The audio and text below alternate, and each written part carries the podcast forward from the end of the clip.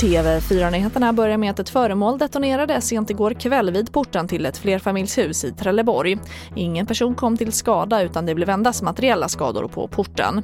Vad som detonerat är fortfarande oklart. Och det har varit en kraftig ökning av antalet ansökningar om svenskt medborgarskap från medborgare i de nordiska länderna. Det visar en kartläggning som Ekot har gjort.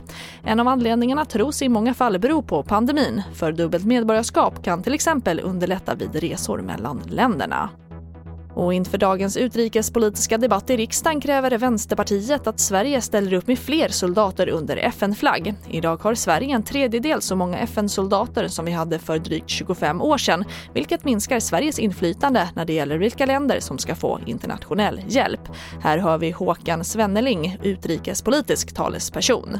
FN är det bästa vi har för att lösa världens konflikter och genom ett starkt mandat från säkerhetsrådet så kan vi bidra till en mer fredligare värld.